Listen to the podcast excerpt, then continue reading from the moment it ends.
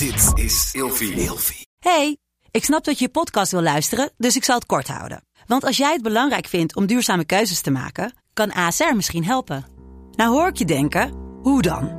Nou, bijvoorbeeld bij het duurzaam herstellen van schade. Of de premies die we beleggen volgens ons duurzaam beleggingsbeleid. Dat bepaalt waar we wel en juist niet in investeren.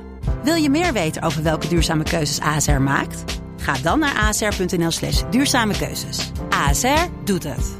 Zo, dan kan je nu lekker naar je podcast luisteren. Vroeger. Meneer de Munnik, we bespreken deze week het onderwerp kunstgeschiedenis. En in deze aflevering hebben we altijd een verhaal in de categorie slagveld, ziekte of oorlog. We gaan het hebben over het beschermen van kunst in de oorlog.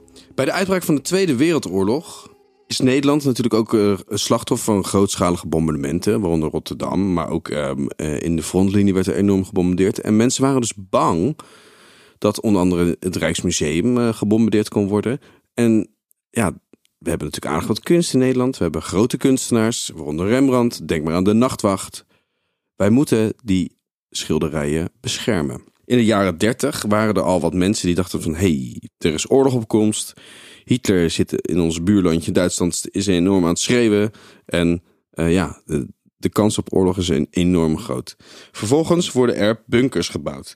Er worden drie kunstbunkers gebouwd in de, de duinen bij Heemskerk en Zandvoort. Wauw. Uiteindelijk laat de gemeente Amsterdam ook een kleine bunker bouwen bij Castricum. Het Stedelijk Museum kon daar dus uiteindelijk zijn werken kwijt. Dus ze hebben gewoon het museum leeggehaald om te voorkomen dat die in de handen van de Duitsers gingen vallen. Nou ja, kunstwerken. Toen, eh, ja, maar toen in mei 1940 dus de oorlog uitbrak, waren de bunkers nog niet helemaal klaar. Oeh. En moesten ze dus die collecties in veiligheid brengen. Uh, wat ik toevallig weet is dat, dat ze dus continu soort van in beweging waren in een soort mo mobiel konvooi om uh, die schilderijen veilig te stellen. Ik weet dat ook kunst in Limburg is veiliggesteld. En daar zijn ze nooit achter gekomen. Want kijk, de Duitsers staan bekend om hun kunstroof. Uiteindelijk wilde Hitler in Linz een enorm groot museum bouwen. waar alle kunst tentoon werd gesteld. Dus ze zouden heel Europa leegjatten. en alle kunst zou uiteindelijk naar Duitsland gaan. De Duitsers wisten dus ook dat de Nederlanders bezig waren om hun werken te beschermen. en dat er dus werk in deze bunkers opgeslagen lag.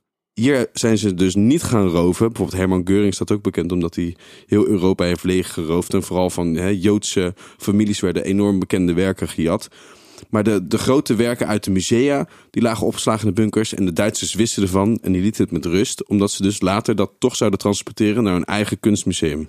Hoe ging het vroeger? Want vroeger gingen de Romeinen ook van de Grieken kunst stelen of andersom. Daar hadden we het onlangs nog over.